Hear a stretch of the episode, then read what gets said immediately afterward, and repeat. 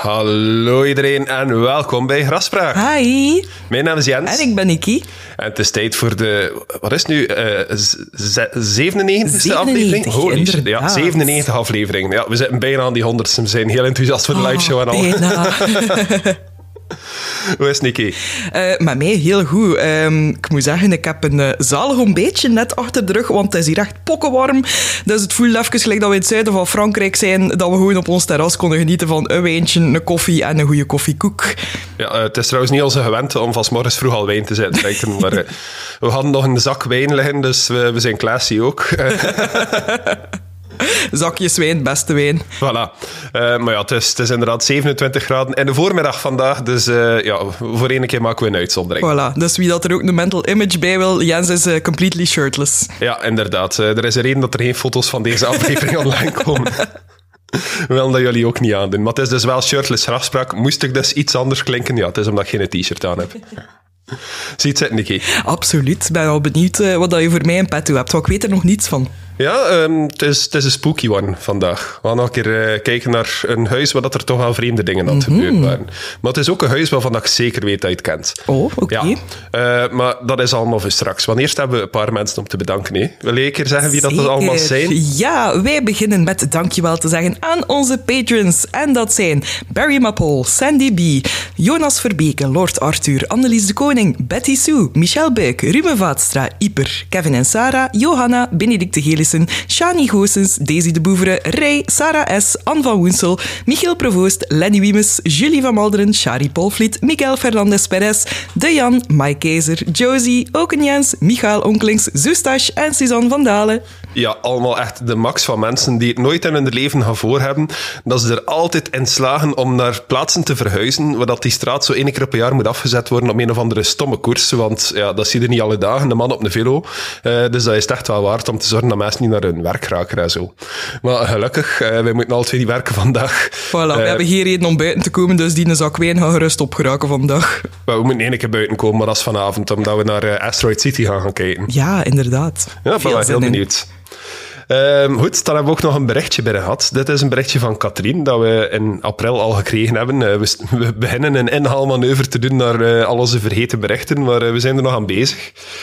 Katrien stuurt ons een kort berichtje. Ik vind jullie podcast super. Ik luister er vaak naar tijdens het werken. Dankjewel, Katrien. Ik zou jullie graag een goed boek aanraden, namelijk Haunted van Harry de Pape en Erik de Keersemaker. Over geesten en spoken in Engeland. Echte moeite. Ken je dat boek, Niki? Nee, nee. Ik heb er al een paar keer mee in mijn handen gestaan. Het zijn wel echt allemaal zo, ja, Britse legendes. Ik denk dat je Borley en zo er ook zeker wel in vindt. Eh, maar inderdaad, voor mensen die interesse hebben in eh, ja, spookverhalen uit het Verenigd Koninkrijk, het is zeker een aanrader. Al heb ik hem zelf niet gelezen, maar ik hoor er wel heel goede dingen over. Oh, leuk. Ja, dank u wel voor de aanrader. Ja, merci Katrien. Eh, wat denk je ervan, Diki? Gaan we van de eerste keer in de case vliegen vandaag? Yes.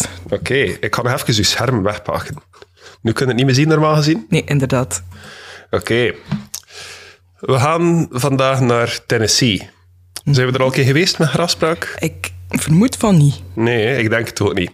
Nu, we gaan naar een dorpje dat Adams heet. Dat is ergens in een county in Tennessee. Ja, mijn aardrijkskunde is ook niet fantastisch. Eh, maar daar zou het zo in de vroege jaren 1800 zou er een huis geweest zijn waar dat er toch het een en het ander gebeurd is.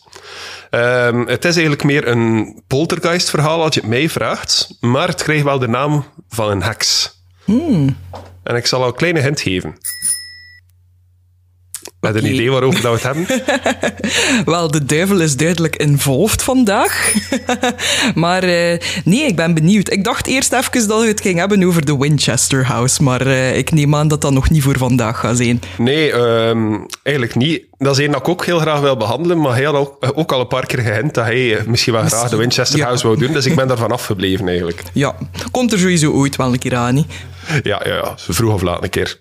Nee, we gaan het vandaag hebben over de Bell Witch. Ja, ja, daar heb ik inderdaad al van gehoord. Ik zal eerst keer een, een kleine samenvatting geven van het verhaal voordat we er echt gaan induiken. Is het? Dus het verhaal van de Bell Witch, dat begint, zoals ik zei, in de vroege 19e eeuw in Adams, Tennessee. Het heeft generaties lang gefascineerd met paranormale fenomenen die daar gebeurd zijn. En tot op vandaag is het een van de best gedocumenteerde uh, en meest enigmatische uh, hauntings eigenlijk in Amerikaanse geschiedenis. Het is een die vrijwel elk Amerikaans kind kent, of elke, elke Noord-Amerikaan kent dat verhaal van de Bell Witch. Um, het begint bij de Bell Family. Um, dat was eigenlijk een vrij normaal en hardwerkend gezin. Al waren ze, eh, ze waren wel welvarend. Um, en dat de standaarden van vandaag ook wel een beetje controversieel, want ze hadden ook slaven. Mm nu, in die periode was dat nog ja, vrij normaal voor een welvarend gezin in Zuid-Amerika, ah, in, in het zuiden van Noord-Amerika.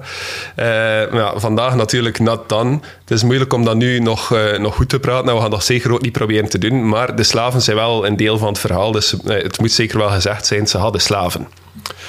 Um, nu, hun leven zou overhoop gegooid worden eigenlijk door een ongeziene kracht die bekend zou komen te staan als de Bell Witch. Nu, de, de haunting die zou ook al gauw voorbij het landgoed van de Bells raken, waardoor dat heel de regio geboeid werd door het verhaal. Nieuwsgierige mensen kwamen van vrij ver om zelf de paranormale gebeurtenissen te kunnen meemaken eigenlijk. Er zou zelfs een toekomstige Amerikaanse president zich komen moeien in het verhaal. Ja. Um, nu, het nalatenschap van de Belwitch gaat verder dan enkel dit verhaal. Het heeft een stempel nagelaten op de Amerikaanse volksgeschiedenis, waar, waarbij dat het tot de verbeelding sprak van artiesten, van auteurs en paranormale enthousiastelingen door de eeuwen heen. Het heeft een invloed die we nog steeds vandaag zien in literatuur, waarbij dat bekende auteurs inspiratie halen uit dat griezelig verhaal. Maar er zijn ook heel veel films gemaakt, er zijn documentaires gemaakt. Uh, er zijn heel veel hervertellingen, heel veel zaken die gewoon gebaseerd zijn, losjes op het verhaal. Waardoor dat er toch telkens nieuwe generaties zijn die geboeid blijven door wat dat er gebeurd is in Adams County, Tennessee. Oké, okay. ben wel heel curieus dan, want uh, om eerlijk te zijn weet ik er niet zoveel over. Ik heb de naam al veel horen passeren, maar ik ben heel benieuwd naar het volledige verhaal. Mm -hmm. Heb je ooit uh, een verfilming ervan gezien of zo? Ha, ik, misschien, maar ja, dat heeft natuurlijk nooit niet de letterlijke titel Bellwitch dan waarschijnlijk. Uh, er zijn twee films, één uit 2007 en één uit 2013, die allebei de titel Bellwitch hebben. Ah. ik denk dat één de, de Bellwitch Hunting heette en de ander ja, ook iets met Bellwitch. ben de titel even kwijt. Nu, ik heb, ik heb zelf één van die films gezien ik weet nog dat ik hem niet zo fantastisch vond, maar ja, het vertelde het verhaal, maar zo de overdreven versie ervan. Ken dit zo met ja, eigenlijk allemaal zaken die eigenlijk al bewezen zijn dat ze geen waar zijn, maar wel deel zijn van de legende die er toch die er toch in zitten. Mm Even over spooky films gesproken. We hebben gisteren ook wel de max van de film gezien. Hè? Ja, uh, Studio 666, de film van de Foo Fighters. Ja, het is lang geleden dat ik nog een keer zo originele sterftes heb gezien. Ja, dat is wel waar. Er, er zaten heel veel bloederige doden in en op een heel originele manier. Ja, de camp moet je erbij nemen, maar het is echt zo een geweldige brainless film. Voilà, inderdaad. Ja, ik kan het niet zeggen dat het een topfilm is, maar het was een entertaining film. Dat zeker. Maar goed, terug naar deze aflevering, want we gaan vandaag duiken in het verhaal van de Bell Witch met de historische context, de griezelige ervaringen van de Bell Family, de reactie van de gemeenschap en de nog steeds durende zoektocht naar antwoorden. Want ook vandaag weten mensen nog altijd niet goed, wat is er daar nu eigenlijk gebeurd? Mm Misschien dat wij dat vandaag gaan kunnen uitzoeken. Misschien. Ik ben er zeker van. Uh, nu, ik heb me ook uh, gebaseerd op een boek vandaag en ik had het even voldelen totdat ik de titel van dat boek heb teruggevonden, want ik heb mijn, uh, ik heb mijn ander documentje even weggedaan. het boek heet Ghosts and Demons, The Truth of the Bell Witch en is geschreven door Kyle Cobb. Eerst een beetje de historische context. Dus de hauntings die begonnen in de vroege 19e eeuw, specifiek tussen 1817 en 1821. Nu, dat was nog een tijd met heel veel verandering en uitbreiding in de nog steeds vrij jonge Verenigde Staten. Hè. Het land was nog aan het herstellen van een grote oorlog eh, die tot 1812 geduurd had. En ze zagen heel veel groei in industrie en agricultuur. Eh, dat waren eigenlijk de twee, de twee grootste facetten van de Verenigde Staten op dat punt. En het was ook een tijdsperiode waarbij dat volkslegendes en bijgeloven de bovenhand namen. Zoals dat je misschien ook wel herinnert van uh, in, in de Salem Witch Trials. Het was nog altijd een vrij vreemd land. Ook al, eh, de mensen waren er al meer dan 100 jaar gesetteld op dat punt. Maar nog altijd was er veel van het land dat ze gewoon, ja, dat nog niet, dat nog niet heftig ontdekt was. Waar dat er vreemde gebruiken van de inheemse Amerikanen zaten en zo. Dus er zat nog altijd heel veel mysterie in. Ja, tuurlijk. Wat je moet rekenen, ja, ze hebben zich natuurlijk gesetteld in de kust. Wat dat, ja, logisch was, want het is het eerste dat ze tegenkwamen maar dat gaat inderdaad even geduurd hebben voordat dat effectief het hele continent is overgegaan. Hè? Ja, ja, inderdaad. Dat is, dat is een heel andere can of worms. Maar als we zo kijken naar uh, Lewis en Clark uh, de verkenningstocht en zo. Ja, er, het heeft een tijdje geduurd voordat echt heel Amerika getemd en gesetteld was. Um, Nu, we bevinden ons dus in Adams, wat dat een klein landelijk gebied is in Tennessee. Destijds was Tennessee nog een relatief nieuwe staat. Die was eigenlijk pas in de Union gestapt in 1796. Dus die waren eigenlijk op dat punt net zo 20 jaar een, een effectieve staat binnen de Verenigde Staten. Adams ligt centraal noordelijk en dat, was, dat is eigenlijk een heel landelijk gebied met heel veel heuvels ook uh, en heel veel boerderijen. Ook de, de Bell family zou daar een eigen boerderij hebben van honderden hectare groot. Het leven daar dat bestond uit hard werk, uit zelfredzaamheid en vertrouwen in zowel het geloof als in de gemeenschap, dat je elkaar ging helpen en dat God er was voor je. John Bell, de vader van het gezin, ja, dat was dus uh, een boer. Hij kwam ook uit een boerengezin. Hij was ja, boer en landeigenaar. En hij was samen met zijn vrouw Lucy en hun kinderen verhuisd vanuit North Carolina. Dus ze, ze zaten nog niet zo lang in Tennessee. Ook voor hen was het eigenlijk nog heel, een heel nieuw gebied. Dus ja, ze hadden hun boerderij, zoals ik zei, honderden hectares groot. En ze waren wel een gerespecteerd gezin. Ze waren actief in lokale affaires, activiteiten van de kerk. Ze waren eigenlijk echt wel ja, een welvarend gezin dat een belangrijk deel van de gemeenschap is. Ook al waren ze dan nog niet zo lang, al snel werden ze opgenomen in de gemeenschap en konden ze hun stempel wel drukken. John en Lucy hadden veel kinderen. En met veel bedoel ik heel veel kinderen. Zo, um, ja, mensen met een hoog libido en geen condooms. Uiteraard. ja, ja, ja. Ja, en begint dan maar namen te zoeken. Hè. Daisy, Bell, uh, wat normaal, Lee, Bell. Wel, moet ik ze keer allemaal opnoemen, kinderen? Ja. ja. Uh, er was Jessie. Er was Jessie Bell. John Jr. Er was Drury, want blijkbaar bij een derde was de inspiratie al op. uh, Benjamin, Esther, Zadok, Elizabeth of Betsy, die heel belangrijk wordt in dit verhaal. Richard Williams en Joel Egbert. Oké. Okay. Ja, allemaal nog een keer met de bel erachter. Dus ja, Betsy slash Elizabeth zou heel belangrijk worden. Zij zou echt de focus krijgen van de Bell Witch Hunting. Uh, maar ook John Jr. Um, die zou ook een belangrijke rol spelen in het verhaal. Betsy was nog een tiener tijdens de gebeurtenissen. Ik denk dat ze 12 jaar was toen dat allemaal begon. Dus het was geen babybel meer? Nee, het was geen babybel, niet meer. Dank u wel, Nicky. Uh, dit is waarom dat we met twee doen. Kijk, ik zou er niet kunnen opgekomen zijn. Half eentje. Yay. Nu, voordat de events waar ik het speed over heb, voordat dat allemaal gebeurde, hadden ze eigenlijk een vrij rustig en normaal leven. Ze hadden een voorspoedig bestaan, maar alles zou echter beginnen veranderen door onverklaarbare fenomenen die hun levens over kop zouden gooien en hen vereeuwigen in de Amerikaanse geschiedenis. Hun leven begon een beetje miserabel te worden. Ik ga stoppen. Jans kijkt kwaad naar mij. Ik kan die micro's afzetten. Nee. Het verhaal van de Belwitch dat is heel goed bewaard gebleven, doordat er brieven en getuigenissen waren van de mensen die het meemaakten. Richard Williams Bell die zou ook een dagboek bijgehouden hebben. Al was hij zelf nog een klein kind toen dat, dat gebeurde, zou hij jaren na de feiten wel een dagboek opschrijven met alles dat hij zich herinnert ervan. Althans, dat wordt gezegd. Meer daarover straks, maar dat dagboek is pas een vijftigtal jaar later uitgegeven door een andere man die beweerde dat hij dat dagboek gevonden had. Hmm. Uh, ja, dat, dat, dat, is al een stukje van mijn conclusie dat ik ga geven, maar um, ja, uh, houd dat in uw achterhoofd. Nu, ik had al gezegd, het lijkt een beetje op een poltergeist-ervaring. Um, Weet hij nog waarvoor dat woord poltergeist staat? Ik denk dat we dat al eerder een keer uh, vermeld hebben. Goh. Het is Duits. Was dat, was dat niet letterlijk gewoon klopgeest, zo ja. de, de, vertaling daarvan? Ja, ja, inderdaad. Dus ja, gewoonlijk is dat een, een benaming voor een reeks paranormale, onverklaarbare gebeurtenissen, zoals inderdaad geklop, uh, voorwerpen die zich verplaatsen. Um, ja, de, denk terug aan de Bridgeport Poltergeist of aan de Sally House. Um, noemde ik een van de uwe, ben uw poltergeist even kwijt. Maar het enige waar ik momenteel aan denk is de Fox Sisters, maar ja, dat was een beetje achterhaald, want dat was een hoax. Dat waren ook geen poltergeists, dat waren echte mensen. ja, maar het begon wel met uh, poltergeist activity, ja. zo gezegd. Was, was Amherst ook geen poltergeist? Uh, ik denk het wel. Of de Bel Air House. Mm. Of, ja, het ook al over huizen gehad. Dat is zo typisch gelijk als je de kring afgaat en zo je hobby's moet beginnen vertellen. Ja. In één keer had je geen hobby's meer. Vertel iets over jezelf. Ik weet niet meer wie ik ben. Maar dus ja, gewoonlijk bij poltergeist-ervaring is er niet echt een mogelijke natuurlijke verklaring. Ik denk dat dat een beetje de essentie is om tot de stempel poltergeist te kunnen komen. Um, een onzichtbare kracht die dat veroorzaakt, uh, dat heet psychokinese of een meer algemeen woord telekinese. En er zijn heel veel ja, gedocumenteerde gevallen van ja, hauntings waarbij dat er zo'n zaken gebeurden, maar er is nooit echt een verklaring gevonden. Maar Uh, de Bell Witch heeft iets meer dan gewoon poltergeist haunting. Want zoals dat je direct zal merken, ze konden praten met die geest. En niet, niet gewoon van die geest klopte als reactie of zo, maar die geest kon echt terugpraten. Die hadden er volle gesprekken mee. Ons verhaal dat begint in 1817, dus in Adams in Robertson County in Tennessee. Um, Eerst en vooral, het is niet duidelijk of dat er nu echt iets met een heks gelinkt wordt. Maar de titel heks werd al rap gegeven aan onverklaarbare fenomenen, ook nog in die tijdsperiode.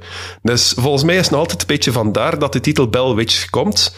Maar er is wel iemand, en daar komen we subiet op terug, die, uh, die wel nog de stempel gekregen heeft van de, de witch te zijn die dit veroorzaakte.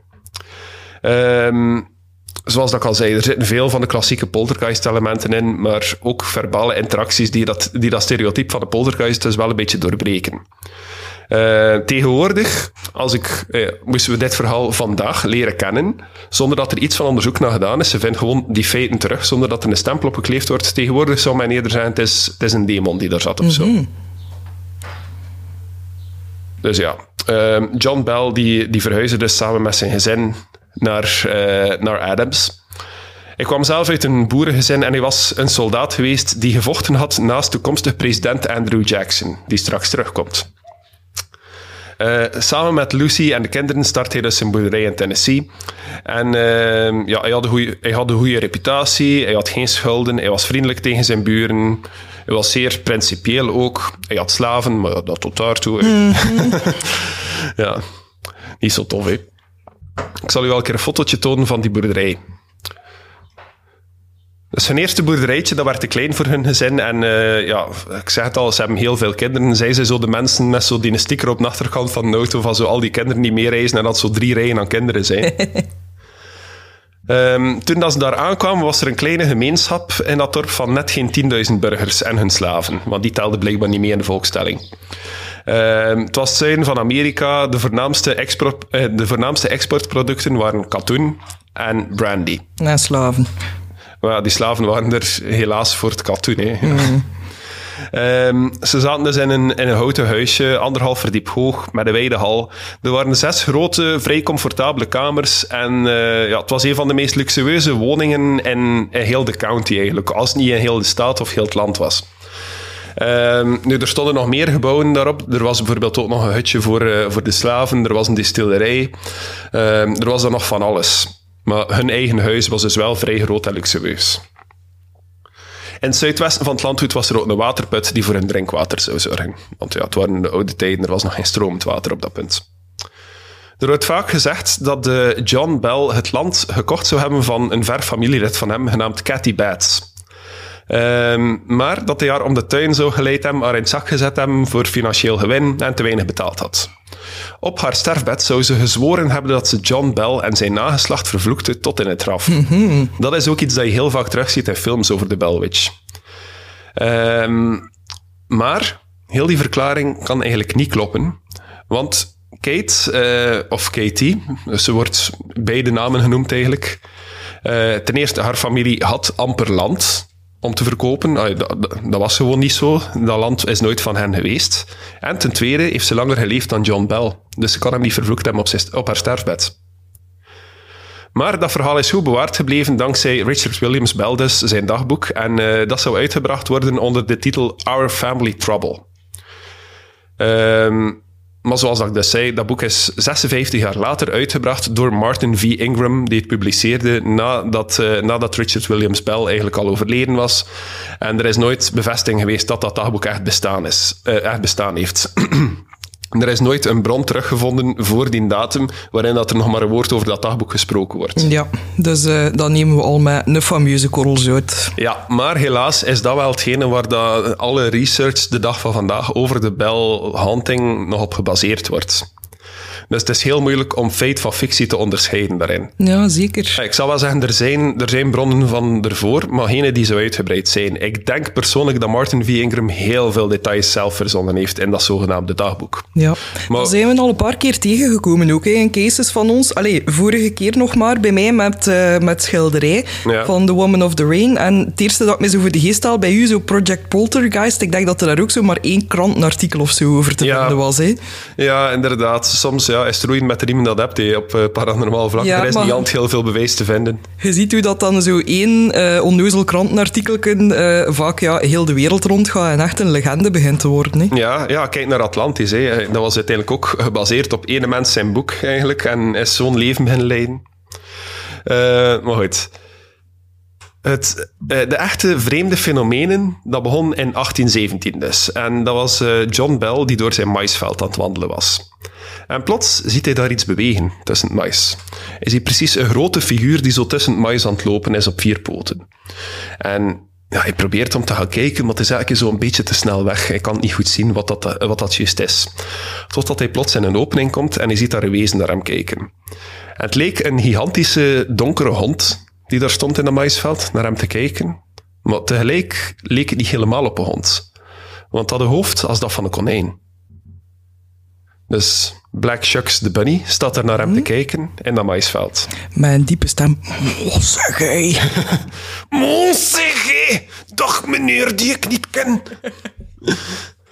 Maar dus ja, John zegt van, eh, fuck it, ik ben een Amerikaan. Dus hij trekt zijn tweeloop. Uiteraard. En hij schiet erop. Hij mist en dat wezen loopt weg.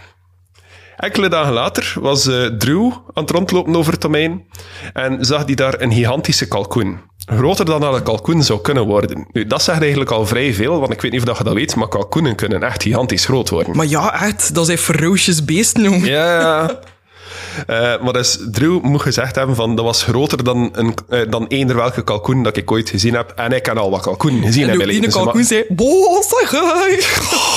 Gabbel, gabbel. Oké, geen wijn meer voor Nicky. dus die kalkoen die zat op een hek. Ehm, Drew die zegt van shit, ik ben geen goeie Amerikaan, want ik heb mijn geweer niet op zak. Dus hij loopt naar binnen om zijn geweer te gaan halen. Hij loopt terug, maar van zodra dat, dat wezen hem ziet met dat geweer, vliegt dat weg. En ook Betsy zou iets vreemds gezien hebben. Zo tussen de bomen nabij hun huis zag ze daar plots een mooi klein meisje in een groen kleed die met een eikenboom aan het spelen was. Nu, dat wordt gewoon zo'n keer kort vermeld van ze zag dat meisje. Ik weet niet, is ze daarop afgegaan? Is ze daarvan weggelopen? Is ze gewoon creepy vanuit de, vanuit de struiken staan kijken ernaar? Dat is onduidelijk. Maar ze zou daar een meisje gezien hebben dat ze er anders nooit meer gezien heeft en dat voor haar heel bizar was dat dat meisje daar liep. Ook een van hun slaven, Dean, die zei dat hij een grote zwarte hond had gezien op de weg. Enkele keren zelfs. En dat was telkens wanneer dat hij zijn vrouw bezocht. En, sorry, ik moet bijna kokhalzen met deze zin uit te spreken, maar zijn vrouw was eigendom van iemand anders. Eh, dus die moest naar een, ander, een andere boer zijn domein gaan. Eh, en die hond die zou meewandelen tot aan de hut van zijn vrouw. En dan weer verdwijnen. En dat zou enkele keren gebeuren. Nu, een, tij- een tijdje lang bleef het daarbij. Vreemde grote dieren in een wild land. Maar na een tijd was er plots geklopt te horen op de deuren en op de muren. Maar ze konden nooit vinden wie of wat dat dat geklop veroorzaakte. En na een tijdje kwam er nieuwe geluiden bij. Alsof dat er een rat aan iets aan het knagen was. Daarna plots het geluid alsof dat er vechtende honden waren ergens. En ook het geluid van kettingen die over de vloer aan het slepen zijn. Oké, ik ging zeggen tot voor die kettingen dat dat nog niet zo heel raar was. Allee, ik neem aan dat vechten honden en, en ratten in huis in die tijd wel normaal was. Dat is zien of dat de honden in huis hebt, denk ik. Eh, ja, ratten, ja, dat kan helaas overal voorkomen. Maar, ehm, wat dat er wel bijzonder was, dus die geluiden die waren daar, die waren heel duidelijk aanwezig. Meerdere mensen horen dat. Maar van zodra dat ze een kaars aansteken om op onderzoek te gaan, stopt dat geluid. Maar het zou niet lang stil blijven, want plots was er ook geheel te horen van Betsy haar kamer, alsof dat er iets achter haar zat. Betsy die werd eigenlijk al heel vroeg geteisterd. En dat, dat kon van alles zijn. Soms werd ze genepen, soms werden er lakens van haar afgetrokken of werd er aan haar haar getrokken wanneer dat nog agressiever zou worden. Eh, Betsy zou wel het grootste slachtoffer in heel het verhaal zijn. Eh, Mr. Bell, eh, John dus, die zou na een tijd ook een vreemde aandoening krijgen. Alsof dat zijn tong stijf werd. Hij begon moeite te krijgen met te praten en te eten. En dat zou een jaar lang blijven duren. Sir, you're having a stroke. Eh, er waren ook twee buren van hen, eh, James Johnson en ja, het is Amerika in de oude tijd, dus zijn, zijn vrouw wordt enkel maar omschreven als zijn vrouw, die krijgt geen naam. Goody Johnson. Goody Johnson, voilà. Eh, die werden gevraagd om een keer te komen overnachten en zelf de fenomenen mee te maken. Ook zij zouden dat geklop gehoord hebben en hun bedlinnen voelen weggetrokken hebben. Ik heb hier eh, een, een mooie afbeelding van hoe dat zij het zich voorstelden. Dat is wel een vrij coole foto. Ja, Allee, foto. Tekening. een keer. Ehm, ja, het is zo gelijk een geëtste tekening bijna, ingekleurd ook, van een man die in bed ligt. Eh, onder het bed zit een eh, zwarte gedaante, zo eigenlijk een beetje. Je ziet alleen maar de ogen en de mond. Dus het zijn zo fel geel-oranje ogen met, met scherpe tanden. Zo gelijk een hondachtig figuur, denk ik, Ja. onder het bed zit, of demonachtig. Maar het meest opvallende is een... bijna Voldemort-hand eigenlijk. Want hij heeft ook zo witte handen en zo'n zwarte cloak over hem. Maar dat hand is bijna even groot als de man zelf. En je ziet het zo uit eh, het laken wegtrekken. Ja, inderdaad. Eh, ik zal het linken in de casefile, maar de afbeelding, voor wie het wil zien, heet Bell Witch en is getekend door Robert M. Place. Ehm, ja, na een tijdje begonnen er meer en meer manifestaties te komen. Werd het ook fysieker en de geluiden en de stemmen begonnen ook aanwezig te zijn. Dus ja, terwijl dat de kinderen aan het slapen waren, werd er plots aan hun haar of aan hun lakens getrokken en nacht na nacht eh, zouden die fenomenen zich herhalen. En ze leken zich vooral op Elizabeth of Betsy te focussen. Op een punt zou Betsy zelfs weggestuurd worden om bij vrienden te overnachten, eigenlijk voor haar eigen veiligheid, maar ook daar zou dat fenomeen haar achtervolgen. Het leek alsof dat ze nergens veilig was. Na een tijd begon de entiteit zelfs te spreken, op vragen te antwoorden. Eerst kwam dat in de vorm van geklop. Eh, dat is bijvoorbeeld zo'n vraag van hoeveel mensen zijn er in de kamer en die entiteit zou dan... Eh, maar na een tijdje ging dat over in gefluit. Even later werd dat gefluister, alsof dat die entiteit meer kracht aan het verzamelen was. De fluisteringen die werden een zwakke stem. En eventjes later ging dat over in een volledig verstaanbare, krachtige stem. Het leek neutraal, niet per se mannelijk of vrouwelijk, maar sprak wel op een lieve toon. Zou zaken zeggen als... Lord Jesus, how sweet old Sugarmouth prays. How do I love to hear him. Ik weet niet whatever dat, dat betekent. Of wie dat Old Sugarmouth. Ik weet niet wie dat Sugarmouth is, maar... Eh, maar de entiteit die haatte John Bell echt. En die noemde hem altijd Old Jack. Maar voor Lucy toonde die wel heel veel respect. Ik weet niet wat het was, maar om een of andere reden, Lucy bleef like zo heilig bijna in de ogen van de entiteit. Lucy kon niks verkeerd doen. En als er, als er iets zou gebeuren met Lucy, zou de, zou de entiteit zelfs voor haar proberen te zorgen. Oké. Maar is er ook geweten, omdat Betsy, zoals dat je zei, een paar eh, nachten of wat was het, eh, bij andere mensen ging, ehm, dat die entiteit haar volgde, bleef die dan ook nog in het huis nog altijd waarneembaar? Eh, dat, eh, daar heb ik niks over teruggevonden eigenlijk. Dat is wel een goede vraag. Maar ik denk, volgens, dat, eh, volgens hoe dat ik het interpreteer, eh, dat hij dan enkel bij Betsy aanwezig was. Maar we gaan straks wel ontdekken dat die entiteit wel de kracht had om op meerdere plaatsen tegelijk aanwezig te zijn. Oké. Meer daarover straks. Dus ik heb het al gezegd, Betsy was 12 op dat moment. En ehm, ja, in, in het boek van Martin V. Ingram, dus waar dat ook het dagboek in staat, eh, staat er echt een heel, heel lange paragraaf ehm, over heel haar uiterlijke beschrijving en hoe mooi ze was. En, al, en echt En tot- we weten hoe goed al mannen zijn en vrouwen beschrijven in boeken.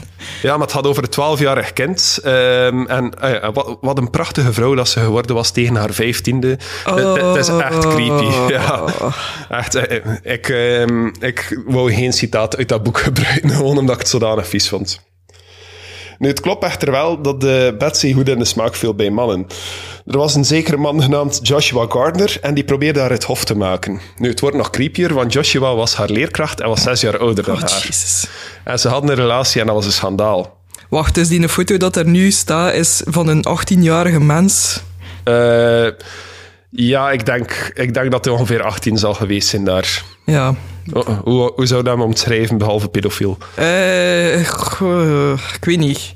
Zo gelijk een kwade Abe Lincoln, maar met veel minder stijl. Zo. Oké, goede omschrijving. Maar mensen van, van vroeger zagen er altijd veel ouder uit, natuurlijk, op jonge leeftijd. Dat is wel waar, ja. Die hadden wel adult face. Zelfs als je kijkt naar foto's uit van mensen uit de 80s, zo twintigers zien er gemakkelijk 40 uit. Ja, maar ja, dat is wat dat ehm, ongefilterde sigaretten na jaren in de steenkoolmijn doet met u. Hè. Dus telkens als eh, Joshua en Betsy samen waren, was de stem van de entiteit ook te horen. Please, Betsy Bell, don't have Joshua Gardner. Please, Betsy Bell, don't marry Joshua Gardner. Betsy zou de geest negeren. Eh, maar de geest werd alsmaar meer en meer agressief. Er waren getuigen die Betsy zagen aangevallen worden. Iets onzichtbaar dat haar belaagde terwijl dat ze aan het schreeuwen was. Ze zei dat de old thing haar aan het steken was met naalden. Men hoorde een geluid als een klets en zag dan ook een rode markering die verschijnt op Betsy haar gezicht. Ook zouden er schoenen in het ronde gegooid zijn en nog andere agressieve fenomenen, zoals aan haar haar trekken en zo. Ja, hoe zou je zelf zijn wanneer dat je ziet dat je beste vriendin in een toxic relationship blijft? Kunt je met zoveel rode vlagjes staan zwaaien als dat je wilt, maar als ze niet luistert, ja, dan moet je het grof geschud bovenaan. Voilà, klets in het wezen. Nu, de entiteit die zou nooit de vorm krijgen, uh, maar zoals eerder gezegd zag men wel vreemde dieren en een klein meisje. Dat gebeurde regelmatig in het gebied en, er werd, en dat werd telkens aan de entiteit gelinkt. Ook vaak zou het de vorm van een konijn aannemen. Nu, heksen en konijnen die hadden een link met elkaar in die periode. Uh, en een konijn met een zwarte plek op de linker achterpoot werd ook gezien als behekst en mocht niet opgegeten worden. Mm. Dus als een konijn slacht en ze zagen die linker achterpoot, dat er daar een pleksknop was, ze gingen dat niet opeten. Maar wat ze wel deden, was die een poot afsnijden, toebinden en er een geluksbrenger van maken. En daar komt eigenlijk de konijnenpoot vandaan. Oké. Okay. Ja. Dus die poot met die heksenmarkering kon geluk brengen. En dat is een traditie dat we tot op vandaag eigenlijk nog altijd kennen. Oh, ik heb geen konijnenpoot in huis, ik vind dat maar creepy. En ik zou er allergisch aan zijn, maar er zijn nog altijd mensen die het doen. Hè. Mensen in de gemeenschap die waren vrij dubbel over die entiteit. Als er iets misging in de streek, dan werd er gesproken over de kwaadaardige geest die bij de bels zat. Maar gingen er zaken goed, dan werd er, dat was plots een engel die daar zat. Dat was geen kwaadaardige geest niet meer. Um, Ingram schrijft ook, uh, de entiteit die sliep nooit, die rustte nooit en die bleef nooit op één plek. Ze was hier, ze was daar, ze was overal. Een beetje gelijk Roy Kent eigenlijk.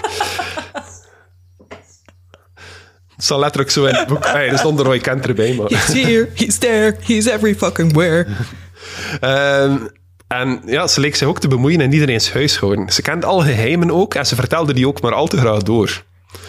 Al was ze onzichtbaar, zou ze zich wel begeven in de buurt en zou ze zelfs enkele keren zaken roepen in de kerk. Veel mensen zouden genepen worden als de entiteit hen niet graag had.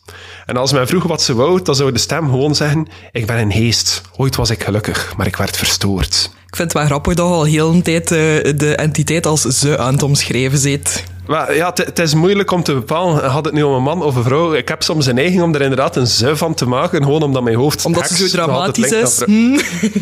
Ja, dramatisch en hysterisch, zoals dat ik vrouwen zou omschrijven, Niki. Want ik heb geen respect voor mensen. Je weet dat toch? Ja, nee. Um, ik weet het niet. Moet ik er een, een hij, een zij, een hen van maken? Ik weet niet wat dat moet zeggen. Het. Het, voilà. Nee, het was maar een grapje. Het entiteit. het is oké. Um, ja, de entiteit die wordt soms wel als iets positiefs gezien, maar ook dat zou beginnen veranderen. Zo zou John Gardner um, nu ook thuis uh, Joshua Gardner, sorry, zou hij ook thuis gestoord worden. Volgens zijn getuigenis, uh, hij woonde trouwens in het distillerijhuis op het gebied, want hij had een relatie met Betsy op dat punt en hij mocht gebruik maken van het distillerijhuis. Um, en hij, hij, schreef er zelf over, en dit zijn zijn woorden vertaald. Soms kwam, ze, uh, soms kwam ze binnen dronken en razend, de entiteit dus. Hè.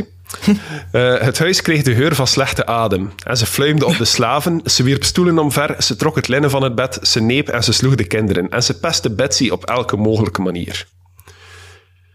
Nu, historisch gezien is er dus wel uh, een link met Katie Bates, zoals ik al eerder zei, mede dankzij Ingram. Uh, zoals eerder vermeld, ze zou John gehaat en vervloekt hebben. Het is onduidelijk of dat ze ooit effectief iets gezegd heeft over hem. Maar dat kwam, dat kwam eigenlijk grotendeels voort uit een getuigenis van een priester die met die entiteit zou gesproken hebben. En de entiteit zei, ik kan niet liegen tegen een priester. En als hij de waarheid moet weten, dat, uh, dat was het dat ze de heks van Kate Bates was, die Jack Bell zou haunten, zou haunten zolang hij leefde. Nu, Katie of Kate, dat was een zeer religieus persoon, maar de gemeenschap werd verdeeld in twee kampen. De ene kant geloofde er niets van en de andere kant haatte Katie. Dus ja, sowieso kon ze eigenlijk niet goed doen. Hè? En de geruchten die, die begonnen de ronde te doen. Sommigen meenden zich te herinneren dat een klein meisje Kate ooit had beschuldigd van hekserij. Anderen hadden daar negatieve zaken horen zeggen over John Bell. John die zou ooit ruzie gehad hebben met de schoonbroer van Katie, Benjamin Bates. En dat zou voor een ruzie in de twee families gezorgd hebben. Nu, na die getuigenis dat eh, de, de entiteit aan de priester gaf, kreeg die ook een naam, Kate. Uh, nu, wel belangrijk, bij Kate Bates wordt Kate met een C geschreven. Bij de naam van de entiteit wordt Kate met een K geschreven. Dus om het niet te ingewikkeld te maken. We hebben Kate, Katie en Kate. Oké. Nu, Kate was niet blij met de associatie met de entiteit natuurlijk. Hè. Volgens Ingram, wanneer dat ze dat hoorde, zouden haar ogen opgelegd hebben met vuur, begon ze te vloeken alsof dat er bliksem uit haar mond kwam en zou ze bijna heel het dorp afgaan om uit te zoeken wie haar naam zo bezoedeld had. Katie die leefde dus zeker nog ten tijde van de haunting, wat dat de theorie dat, dat het haar klopgeest was of de vloek van op haar sterfbed volledig ontkracht. Ja, wel jammer dat ze daardoor natuurlijk ook een, een figuurlijke heksenjacht op haar hè. Ze heeft al eh, een slechte naam bij de helft van dorp en dat gaat er nu ook niet veel goed aan doen. Ja, nu gelukkig voor haar, het bleef bij die slechte naam. Het is niet dat ze, dat ze er echt gevolgen van gedragen heeft, behalve dat haar reputatie om zeep was. Maar in die tijd, ja, had twee keer niet naar de mis en die reputatie is om zeep, denk ik. Nu, het geloof in hekserij was al een beetje afgezwakt in deze periode. Maar er waren nog aanhangers van het geloof. Zoals Ingram, die dat boek schreef. Dat boek dat verscheen in 1894 en ja, dat was niet de eerste keer dat dat verhaal verteld werd, maar wel de eerste keer dat er sprake was van het dagboek. Voor 1891, dus drie jaar eerder, werd er eigenlijk nooit ergens gesproken over dat dagboek. Dus het is mogelijk dat Ingram dat volledig verzonnen heeft. In dat dagboek zou Richard Williams Bell beweren dat hij als kind geen weet had van de gebeurtenissen. Zijn vroegste herinnering was in 1818 toen dat hij en zijn broer Joel wakker werden van het geluid van ratten. Dat geluid dat kwam nacht na nacht terug, telkens tussen 1 en 3 uur. Hoe dat ze weten dat dat tussen 1 en 3 uur is, ik weet het niet. Eh, maar ook in Betsy's kamer was het te horen. Na enkele weken werden de bedlakens afgetrokken doorheen de nacht en geluiden zoals dat van slikken en soms zelfs het geluid van stikken werd gehoord. Ik weet niet wat dat hun ouders aan het doen waren op dat moment. Dat kan misschien wel dat slikken en stikken verklaren, maar... Na een tijd was er ook geklopt te horen eh, en dat leek eigenlijk meer alsof dat er stenen op het dak vielen. Gevolgd door het geluid van kettingen. En de volgende escalatie was het haar van de kinderen waar dat eraan getrokken werd. En plots passeerde er ook nog een helikopter over hun huis. Ik weet niet of dat de micro's dat oppikken. Ehm, nadat de Johnsons, de buren dus, daarover nacht hebben, begon de gemeenschap zich te moeien in het uitzoeken van de waarheid. De, de hooivorken en toortsen worden bovengehaald. Het is ook op dat punt dat ze zo vragen begon te stellen aan die entiteit en dat die reageerde met kloppen. Zoals, ja, hoeveel mensen zijn er in huis, hoeveel koeien staan er in de wei, zo'n zo'n dingen. Ehm, John en de kinderen die zouden ook beweren dat er stenen naar hen gegooid werden wanneer ze van het veld naar huis gingen. Sommigen voelen zelfs een klap tegen hun gezicht bij momenten. Nee, denk aan Betsy daarnet. En dat ging over in de geest die begon te praten. De geest die ook claims beginnen maken, zoals I am the spirit of a person who was buried in the woods nearby, and the grave has been disturbed, my bones disinterred and scattered, and one of my teeth was lost under his house, and I am here looking for that tooth. Dus wat zegt de geest, Nicky?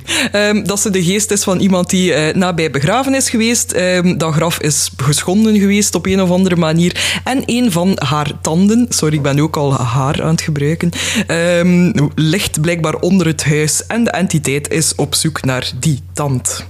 Nu, volgens dat dagboek zouden Drew en Corbin Hall een graf van inheemse Amerikanen gevonden hebben, geopend hebben en een kaakbeen verwijderd hebben. En ze zouden daarbij ook een tand laten vallen hebben die onder de vloer van het huis terecht kwam. Nu, de Bells die wouden van hun entiteit af en die zouden de vloer openbreken na die onthulling. Maar er was geen tand en de entiteit begon hen uit te lachen, dat, dat, hen, rond de, rond- dat hen om de tuin geleid had. Daarna zou de, eh, zou de geest beweren dat het van een vroege immigrant was, die een grote som geld verborgen had, maar gestorven was voordat hij er iets mee kon doen. En hij wou de locatie aan Betsy Bell geven. De entiteit zou een grote groep mannen ervan overtuigen van kijk, er ligt daar een heel zware rots in het bos. Als je die verplaatst en daaronder begint te graven, dan ga je daar de schat vinden.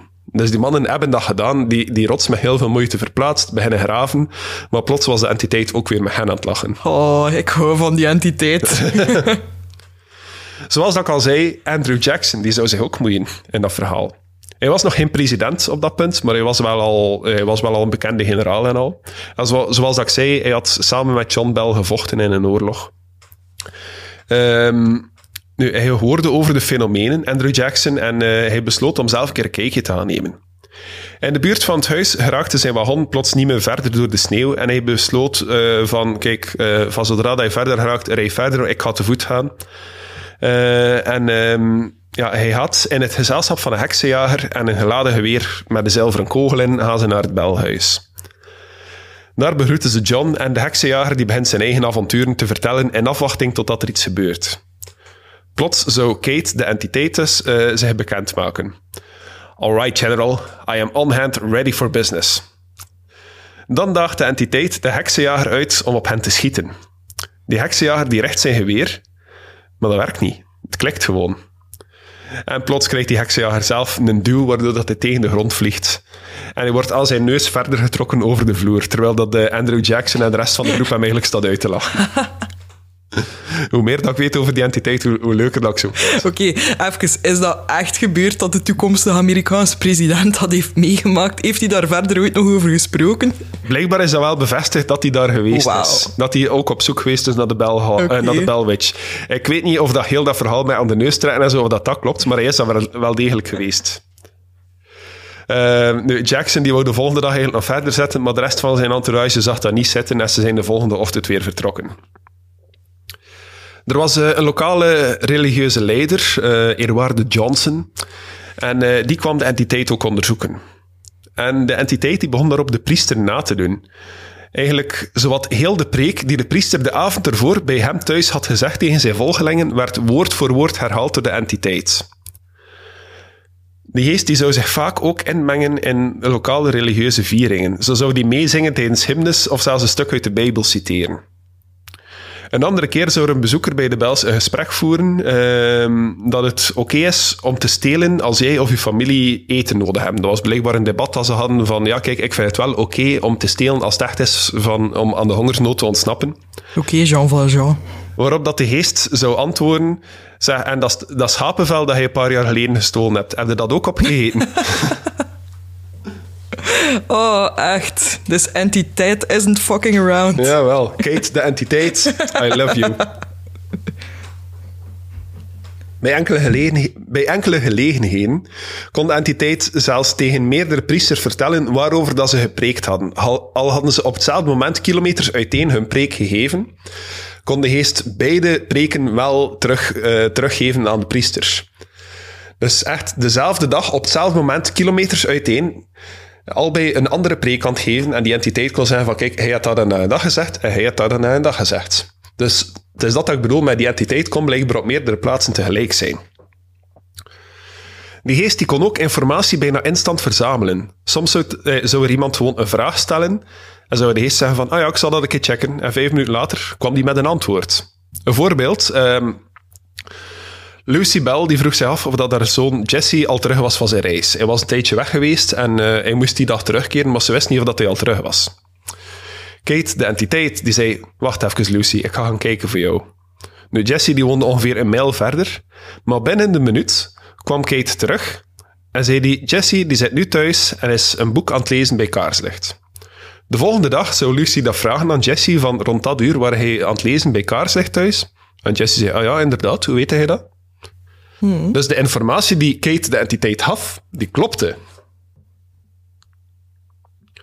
Nu, Betsy die begon ziek te worden na een tijdje. Flowvallen, kortademig zijn, uh, telkens precies een opstoten van 30 à 45 minuten. Uh, en telkens als Betsy last had van haar ziekte, dan zou de entiteit ook stil blijven. Was hij precies niet meer aanwezig. John die had ook nog altijd last van zijn stijve tong en uh, zijn stijve kaken. Nu, tegenwoordig zou dat gewijd worden aan osteomyelitis of iets dergelijks. Ja, wat dat eigenlijk gewoon uh, ja, je spieren zijn die, uh, die aan het ontsteken zijn en verstijven. Um, maar bij John wisten ze dus niet wat het was en konden ze dus ook niet degelijk behandelen. Na een tijdje begon zijn gezicht te vertrekken en kregen ze zelfs spasmen. En hoe zwakker dat hij werd, hoe meer dat de geest hem eigenlijk begon uit te lachen. Ik zeg, de geest haatte John, maar ja, had er ook geen sympathie mee. Een tijd lang zou de entiteit zich voordoen als een goedaardige kracht die de gemeenschap beschermde. Maar plots veranderde die van één persoonlijkheid naar vier verschillende persoonlijkheden. Ehm, en die kregen ook allemaal een naam, en allemaal speciale namen eigenlijk. Eerst en vooral was het Black Dog. En dat was het hoofd van de familie en die sprak in een strenge vrouwelijke toon. Er waren nog twee andere persoonlijkheden, Mathematics en ik kan het niet goed uitspreken, Kaiko Cryfee of zoiets. Hoe zou hij het uitspreken? Ja, Cryfee, denk ik. Ja. Die waren anders. Dat waren beiden meer delicate vrouwenstemmen. En dan was er nog een vierde stem, Jerusalem, en die klonk als een jongen. Uh, er werd over geschreven... Wat is er met Kate gebeurd? Kate was het geheel, de verzamelaar. Oké. Er werd over geschreven uh, in het boek van Ingram. These exhibitions were opened like a drunken carousel and became perfect pandemoniums. Frightful to the extreme, from which there was no escape. Dus ja, om het een beetje in modernere taal te zeggen, dat waren gewoon vier persoonlijkheden die allemaal door elkaar aan het praten waren. En soms leek dat echt gewoon een cacophonie van verschillende stemmen tegen elkaar. Oké, ik was trouwens even aan het opzoeken wat dat Kaipo... Uh, wat is het weer? Kaipo... Kaipo kan het gelijk niet vinden. Het is gelijk geen bestaand woord, ofwel uh, wil Google niet meewerken. ik weet het eigenlijk ook niet. Ja, ik vind het enkel maar terug in, uh, in dingen over de Bellwitch. Ja, exact. Ja, zwart. Uh, de geest die begon zich meer en meer uitbundig te gedragen en soms ging hij zelfs in discussie met hun eigen andere stemmen. Ingram die omschreef hem als de, de Demoniac Council. Uh, en ja, hij had ook uh, naar Welcome to Night veel geluisterd, hè? Ja, niet volledig, stukje, maar... Nee, maar zijn ze van dat stuk gekomen met die vijfkoppige draak? Uh, nee. Ah, tju. Want dat is eigenlijk perfecte vergelijking, want dat is ook zo een, een draak met zo vijf gekke koppen die allemaal in discussie zijn met elkaar en zo. En ja, moet er een keer naar luisteren. Mm -hmm. Nu, blijkbaar zouden de vier, uh, de vier persoonlijkheden zich aankondigen door liedjes te zingen over elk personage. Ze hadden hun teamsong. gevolgd door discussies met elkaar, grof taalgebruik en blasfemische eetafleggingen. Bereid je maar voor. Want hier zijn we weer, hoor. Ze maakten geluid dat goed leek op dronken mannen die aan het vechten waren. Soms zei de geest dat hij dronken, uh, dat hij dronken was na het distillerijhuis van uh, Joshua Gardner te rijden. De entiteit die werd ook gewelddadiger. En de vraag werd gesteld of de Bels zelfs nog in dat huis wouden wonen. De Bels die hadden er geen probleem mee om te vertrekken, maar de entiteit zei wel van ik ga jullie volgen tot op het einde van de wereld. De entiteit die, ja, had ook een minder tof kantje van die haten de slaven echt. En zij hadden schrik van de entiteit. Meermaals zou de entiteit hem pijn gedaan hebben. En vaak gaf de entiteit ook opmerkingen ja, die, die ik hier echt niet kan herhalen. Het taalgebruik dat, de, dat in het boek staat, dat de woorden van de entiteit zouden zijn, ik kan ze hier niet luid op zeggen of hij wordt keihard gecanceld. Ik zou ze niet, ik zou ze ook niet luid op willen zeggen, maar kom. Uh, maar uh, denk zo aan uh, denk Django Unchained, zo'n beetje. um, dus ja, Dean, een van de slaven dat ik net ook al vermeld had, die werd vaak gevolgd door een zwarte hond. Uh, en nu had die zwarte hond ook twee koppen, blijkbaar. In het begin van het verhaal werd dat niet vermeld, maar nu wordt er wel over twee koppen gesproken. Dean die had altijd een bijl bij zich ter verdediging en iets dat een witchball heette. Dat zou hem beschermen tegen magie. Desondanks zou Dean beweren dat hij geslagen was geweest met een stok door de entiteit. Lucy die zou de entiteit willen testen door een slaaf onder haar bed te laten liggen. En tijdens het avondmaal begon de entiteit te spreken. Maar plots had hij het blijkbaar door en werd hij heel kwaad omdat er een donkerkleurig persoon in huis was. Ze hoorden een stikkend geluid en Anki, uh, die de slaaf was die onder bed lag, die kwam er van onder bedekt onder wit schuim dat op speeksel leek. En die iets gezegd hebben van, die gaan mij doodspeken, laat mij eruit. Terwijl ze naar buiten vlucht om naar haar eigen hut te gaan. De entiteit die zou zich kwaad maken op Lucy en die zei van, mocht eender wie anders dat gedaan hebben, ik zou die slaaf vermoord hebben. Maar omdat hij het zei, ga ik dat niet doen. Want opnieuw, de, want opnieuw, de entiteit had heel veel respect voor Lucy. Ook als er verkopers langskwamen, werden die vaak belaagd door de geest. De entiteit zou de, de waakhonden opjutten om tegen die verkopers in te gaan. Een ander slachtoffer was een detectieve, een man genaamd Williams. Die zou de case proberen debunken. De geest was eerst stil tijdens de aanwezigheid van de detectieve.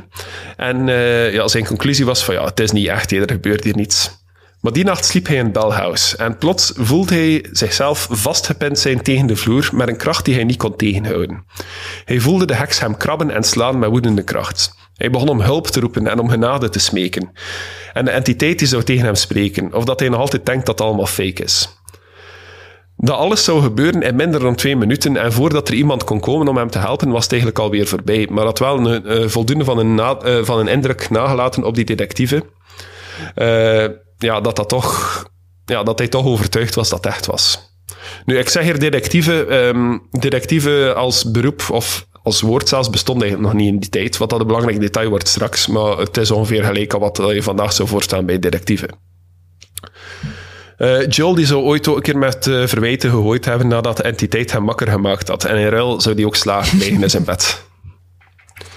Nu, de entiteit die was niet altijd gewelddadig. En zoals ik al zei, hij had respect en schijnbaar ook liefde voor Lucy. Daar komt de serie I Love Lucy ook vandaan. Sorry. Eh, en ja, zij werd ook altijd gespaard wanneer dat de entiteit familie iets zou aandoen. In september van 1820 kreeg Lucy uh, een longvliesontsteking, waarbij dat de entiteit over haar bleef waken en zelfs liedjes zong voor haar. De entiteit die, die zou zelfs eh, Lucy smeken om alsjeblieft toch iets te eten. En plots zouden er zelfs hazelnoten beginnen verschijnen in die kamer. En wanneer dat Lucy niet meer de kracht had om die te pellen, verschenen er gepelde hazelnoten in die oh. kamer. Um, ook druiven uh, leken uit het niets te verschijnen in die kamer. Die entiteit moet echt wel geprobeerd hebben om Lucy te laten eten. Op een dag was uh, Esther Porter daar. Dat was een buur van de Bels en die was eieren aan het rapen. En ze zag een vrouw richting het huis stappen. Ze herkende haar als een buur en ze sprak er tegen, maar de vrouw die negeerde haar volledig. Die, die vrouw die zou haar haar gelost hebben en beginnen kammen zijn, en terwijl bleef ze verder Esther negeren. Esther die, die riep er haar, schoon, haar schoonzus Elisabeth bij. En uh, die zagen allebei die vrouw rondlopen en plots verdwijnen achter een boom. Je zou denken van die vrouw gaat terug van achter die boom komen, maar dat was niet zo. Aan de andere kant van de boom verschenen er twee vrouwen en een kind. En die begonnen op de struiken te springen, zo heel het op en neer bobben, precies. Volgens, dat, eh, volgens de omschrijving dat ik gelezen heb. Uh, net op dat moment komt Bennett Porter ook thuis, de man van Esther. En die zag de struiken bewegen, maar die zag niet dat er mensen op zaten, wat dat de twee vrouwen wel zagen. Maar je zag wel de angst op het gezicht van zijn vrouw en zijn schoonzus. En die toonde hem waar dat ze iets zagen. Uh, Bennett die zou zijn geweer nemen, want opnieuw Amerika, en erop richten. En uh, wanneer dat hij schiet, zouden de figuren verdwenen zijn. Later zou de entiteit wel beweren dat de arm van Jeruzalem gebroken was dankzij Bennett Porter zijn kogel. Oké. Nu, dat zijn allemaal ook zo van die second-hand getuigenissen. Ja. Is dat ook allemaal iets dat in dat dagboek zo gezegd geschreven staat? Ja. ja. ja.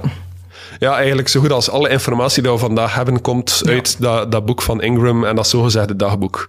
Daarvoor was er één boek geschreven, maar dat was zo'n algemene volkslegende boek waarin dat er een hoofdstuk over de Bell Witch is, maar niet zoveel details als dat je in uh, Ingram zijn boek zou vinden. Op 19 eh, december 1820 zou John niet meer wakker worden. Hij leefde nog, maar hij leek comateus. En in zijn bed vonden ze een flesje met een donkere vloeistof erin, waardoor dat ze zeker waren dat iemand hem verhefterd had. Een dag later, 20 december 1920, zou hij sterven. Uh, ik zeg 1920, 1820, sorry. Uh, ik heb er ook op zitten vloeken in dat boek. De, uh, dat, dat haalde heel vaak datums door elkaar. Dat boek dat ik gelezen heb. Vaak sprak dat zo over, over 19, 1917, 1920, terwijl het eigenlijk 1817, 1820 moest zijn. Dus ik heb nu zelf ook die fout gemaakt met mijn eigen notities. Sorry daarvoor. Dus op 20 december 1820 zou John Bell sterven. De heks die zou nog tot de lente op de boerderij blijven, want het was te koud om te vertrekken waarschijnlijk. Um, en ja, daarna ook vertrekken. De vloek zou samen met John sterven, dus ze had geen reden meer om te blijven. Echter in 1828 zou de entiteit nog één keer terugkeren. Nu waren enkel Lucy, John en uh, sorry, Lucy, Joel en Richard Williams nog aanwezig in huis. Ze hoorden opnieuw het gekrap en het gebijt en de bedlakens werden weer afgetrokken. Dat gebeurde een tweetal weken en daarna stopte het voorgoed. Nu, dat is zo'n beetje samengevat het verhaal van de Bell maar er zijn nog een paar dingen dat we kunnen bekijken. Zoals, wie zou er verantwoordelijk kunnen geweest zijn voor al die dingen? Als, als het al geen echte entiteit was, moet iemand het wel gedaan hebben. Wie zou er daar voordeel uit kunnen halen hebben? En er is één persoon dat ik nog niet vermeld heb. En dat is Richard Powell. Die was een collega van Joshua Gardner. Dat was ook een leerkracht van Betsy.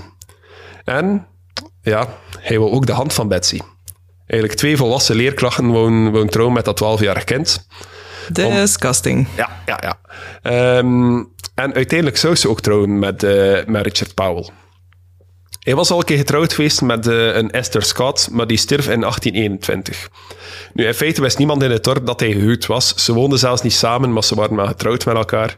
En nergens in zijn dagboeken wordt er zelfs over haar geschreven, dus dat zal geen liefdevolle relatie geweest zijn. Nu, de geest die Joshua Gardner viseert is duidelijk in het voordeel van Powell, die ook de hand van Betsy wil. En opnieuw, die geest was ook aan het zeggen tegen Betsy van trouw niet met, uh, met Gardner. Um, maar volgens de schriften uit die tijd zou, um, zou John Bell Richard Powell ook totaal niet vertrouwen. Eh, volgens getuigenissen zouden de haunting-fenomenen ook nooit gebeuren in zijn bijzijn. En elke keer als Betsy iets werd aangedaan door de entiteit, was dat ook nadat ze tijd had doorgebracht met Joshua Gardner. Een andere verklaring is dat het de kinderen waren. John Jr. en Drew die waren al zo een paar keer naar, eh, naar andere steden geweest om daar even een opleiding of zo te krijgen. En een van de theorieën is dat ze daar hebben leren buikspreken. en dat ze dan na een tijdje ook aan Betsy geleerd hebben en dat daar zo de, de vier verschillende stemmen uitgekomen zijn. Oké. Maar er waren ook wel events waarbij de alle kinderen aanwezig waren en in het zicht van andere mensen, terwijl dat er toch zaken aan het gebeuren waren. Dus ja, dat is ook met een korreltje zout te nemen. Zoals ik al zei, alles tot nu toe is gebaseerd op dat dagboek dat Ingram uitbracht in 1894. Nu, eerst en vooral, ja, daarvoor was er nooit echt sprake van dat dagboek. En er is ook praktisch geen enkele record van de haunting voor 1870, behalve hier en daar een keer een brief. Maar zelfs die brieven zijn in het beste geval nog kopieën die bewaard zijn gebleven, dus het is moeilijk om nu nog te zeggen van, ah ja, die brief is effectief al 200 jaar oud. Ehm, er zijn analyses gedaan die stellen dat de, stijl, eh, dat de schrijfstijl in het dagboek en de geschriften van Ingram zelf, dat dat vrijwel hetzelfde is. Bepaalde woorden die erin voorkwamen, zoals detectieve dat ik daarnet zei, eh, die waren ook pas populair in de late 19e eeuw. En het was dus onwaarschijnlijk dat dat echt in een dagboek uit 1817 zou komen. Het was geschreven op het niveau van iemand met een hogere opleiding. En Richard Williams had tijdens het schrijven van zijn dagboek nog maar enkel zijn middelbaar gedaan. Ehm, een andere verklaring is dat heel Ingrams verhaal eigenlijk een soort vrijmetselaarstekst is, gecamoufleerd als een haunting. Er wordt vaak over bepaalde gesteentes gesproken. Er is een geheime, een geheime handdruk die de entiteit wil doen met Calvin Johnson, maar weigert om dat bij andere mensen te doen. Er is ook sprake van een aanval kort voor Johns dood, waarbij dat zijn schoenen worden afgedaan. Dat kan gelinkt worden aan in de vrijmetselarij, waarbij dat je schoenen moet afdoen in een heilige plaats. En John ging kort daarop sterven, dus ging naar de hemel gaan. Uh, dus zijn schoenen werden afgedaan naar de heilige plaats. Uh, zo zijn er verschillende parallellen met vrijmetselaarteksten die kunnen getrokken worden uh, met zaken die in dat boek gebeuren. Mm Oké. Uh, Ingram was effectief een levenslange vrijmetselaar en uh, die werd ook begraven volgens hun gebruiken. En hij was dan ook nog een keer lid van de Liars Club. Ik weet niet of je weet wat dat, dat is, de nee. Liars Club. Dat was eigenlijk zo een, een groep van journalisten en auteurs eigenlijk, die uh, de opzet hadden om, om verhalen te verzinnen, maar wel op een zodanige manier neer te schrijven dat mensen ze zouden beginnen geloven. Mm -hmm. het was dus letterlijk zoals dat klinkt, de Liars Club. Uh, dus elk lid moest een verhaal verzinnen en proberen om lezers ervan overtuigd te krijgen. Het was zelfs een gebruik in kranten in die tijd en iedereen was daarvan op de hoogte, dus iedereen was in on the joke, dat, uh, dat journalisten nu en dan een keer een verhaal zouden vertellen in de krant dat volledig bij het haar getrokken was, zo, zoals dat hier nog altijd op 1 april zou ah, zijn. wel, ik wist, zei, is dat de voorloper daarvan? Ja, zoiets, ja. Um, maar dat was dus een heel common gebruik dat voor de leuten gedaan was. En ja, iedereen was in on the joke, dus dat was onschadelijk. Nu, er is, het moet ook wel gezegd zijn dat er maar één bron te vinden is die bevestigt dat de Ingram lid was van de Liars Club. Dus we zijn niet zeker of dat, dat helemaal klopt. Het moet ook wel gezegd zijn dat de huidige eigenaars van de Bellwitch Cave, die zijn in het bezit van een brief uit 1819 die over de events spreekt. Dus dat zou eigenlijk het oudste geschrift zijn dat, dat er echt over spreekt. Maar opnieuw, het is een kopie. Dus het is moeilijk te, te bevestigen dat het echt zo oud is. Ook enkele jaren voor het boek van Ingram werd de, The History of Tennessee geschreven, waarin dat er ook over de Bellwitch gesproken wordt. Uh, nu, in, in die versie is er geen sprake van de moord op John Bell of het bezoek van Andrew Jackson, uh, maar er wordt wel over de events geschreven als een historisch feit. Moet ook gezegd zijn, de auteur van het boek The History of Tennessee, die woonde in dezelfde periode in hetzelfde gebied als Ingram, dus het is ook mogelijk dat ze elkaar kenden en elkaar beïnvloed hebben, maar we kunnen dat niet zeker zijn. Mm -hmm.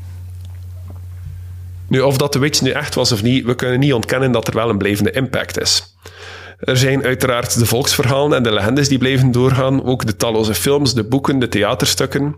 En er is het toerisme. Zo wordt Adams County nog altijd vaak bezocht door mensen die de Bellwitch Cave of andere sites willen bezoeken. In Adams zelf heb je dus de cave, waar dat je een rondleiding kan krijgen. En sommige van de belkinderen zouden erin gespeeld hebben, zouden er ook encounter met de heks gehad hebben. Nu, ik heb niet echt over die grot gesproken, dat is ook niet zo'n belangrijk deel van het verhaal. Maar is een van de weinige dingen waar dat de bels effectief geweest zijn die nog overeind staat vandaag. Dus die kan nog altijd bezocht worden. En er staat ook nog een houten hutje dat een van de enige overblijfsels is van de oude belboerderij. Dus dat kan je wel nog altijd bezoeken. Er is Bellwitch toerisme. Maar ik ben uitgepraat, Niki. Ik wil graag weten wat jij erover denkt. Ja, um, het is inderdaad je hebt het eigenlijk al heel goed beschreven. Hè. Het, um, het lijkt gewoon inderdaad dat Ingram um, een heel mooie kans zag om een ja, deels bestaande legende al uh, een beetje ja, voor eigen gewin, zal ik maar zeggen, van een eigen twist te geven. Hè. Een beetje te dramatiseren. Ja, het feit dat er nooit over dat dagboek gesproken was geweest en plots komt hij inderdaad af met het dagboek, dat dan ook heel toevallig op zijn uh, niveau geschreven is geweest en zo, denk ik dat dit eigenlijk wel een, een heel... Ja, simpele conclusie is, zal ik maar zeggen. Ondanks dat ik wel had gewild dat er meer waarheid in zou gezeten hebben. Nu, het is natuurlijk niet omdat er iemand een loopje heeft genomen met het verhaal en het verder gedramatiseerd is, dat dat wil zeggen dat er niets gebeurd is. Hè? Ja, dat kan inderdaad. Maar het is inderdaad wel mogelijk. Hè. Bijvoorbeeld, eh, gelijk dat je gezegd hebt, Tine Powell, of hoe noemde hij nu weer? Dat die er misschien wel voor iets tussen zat. En ja, dat was ook nog een periode waarin dat er heel veel bijgeloof en waarschijnlijk ook nog veel paranoia was met alle oorlogen dat zijn geweest en zo. Dus misschien is het wel mogelijk dat er uh, ja, misschien niet zo uitgebreide gebeurtenissen zijn geweest, maar dat er toch wel een paar dingen zijn voorgevallen dat er wel serieus de schrik bij de baals hebben uh, doen inzitten. Ja, volgens mij is er daar ook wel iets gebeurd. Hè. Maar of dat daarom paranormaal was, ja, daar ben ik ook niet zo van overtuigd. Volgens mij is het echt gewoon een uitgebreide hoax geweest of zo. Die iets langer geduurd heeft dan dat eigenlijk moest en uh, ja, heel uit de hand gelopen is. Ja, inderdaad. Dus allee, ik ga het voor deze wel bij een nee houden. Ja, ik ga je conclusie volgen, vrees ik. Helaas. Oké, maar ik vond het wel een leuk verhaal. Ik hoop dat je er ook een beetje van genoten hebt. Ja, absoluut. Zeker en vast. En uh, willen jullie er ook nog meer over te weten komen? Ga dan zeker naar graspraak.be, want ook van deze case en van alle vorige is er een casefile te vinden. Ja, inderdaad. En terwijl je daar bent, je kan ook doorklikken naar de Steun ons pagina, waar je doorgaat naar onze Patreon. Uh, voor eender welke donatie uh, maandelijks krijg je je naam te horen in de aflevering. En één keer op een jaar met Halloween sturen we ook een cadeautje op naar iedereen die 5 euro of meer doneert. Woehoe! En je vindt er ook een knop wanneer dat je zelf jouw eigen spooky getuigenis met ons wilt delen. Dan kom je zelf ook aan bod in onze aflevering. Dat klopt. Dat kan tot één minuut, maar je kan ook altijd zelf gewoon iets opnemen en dat doormailen naar graspraak.gmail.com. We vragen om dat te beperken tot maximum drie minuten. Yes. Nu, op onze website vind je natuurlijk ook nog de link voor onze webshop, waar dat je alles dat jouw hartje begeert kan beprinten met een van onze afbeeldingen. Ja, inderdaad. Dat kan gaan van koffiemokken tot t-shirts tot sportkledij. Ehm, ik denk dat je er schoenen en sandalen zelfs in vindt voor in deze warme zomer. Of drinkflessen met een graspraakmotiefje. Het kan allemaal. Dus ga zeker naar graspraak.be. Je vindt ons ook op alle sociale media, Facebook, Instagram en Twitter als Grafspraak. En op Facebook hebben we ook de Grafspraak Community Groep. Ja, waar er nu sinds kort ook een community chatgroep bij gekomen is. Ja. En eh, die is eigenlijk wel nog plezant. Veel mensen delen hun katten erin. Zoals het hoort. Yes. this Uh, voor de rest, Graspraak is te beluisteren op Spotify, op iTunes, op Stitcher, op Amazon Music, om een of andere reden. Uh, ja, eigenlijk alle, alle mogelijke podcastkanalen die je kan bedenken. Het is ook volledig gratis te beluisteren. Alle content die we opnemen komt sowieso gratis op de podcastfeed. Uh, maar het enige dat we daarvoor terugvragen is dat je ons een rating heeft of je abonneert, een, een vriendelijke comment nalaat of zo. Het, het helpt ons allemaal. dat zorgt ervoor dat de podcast kan groeien, dat wij meer vol kunnen bereiken. Want we doen, dat, we doen dit nog altijd zelfstandig vanuit onze woonkamer, dus alle steun is meer dan welkom. En mensen die luisteren zonder een rating na te laten of zonder te abonneren of eender wat, die kunt wel eens voor hebben dat ze s'nachts wakker worden met een reusachtige kalkoen die naast hun bed staat. Dus vermijd dat en zorg ervoor dat je die rating heeft, zodat je ons steunt. Dit was Graspraak. Tot de volgende. Bedankt om te luisteren. Het was weer heel fijn om jullie erbij te hebben. En binnen twee weken zijn we terug met een case van Niki. Ik ben al heel benieuwd wat dat, dat zal worden. Ik moet hier nog een klein stukje volgen, Niki. We zijn er bijna. Nog een seconde of vijf en dan mag ik eindelijk stoppen met praten, denk ik. Ongeveer Bye. nu.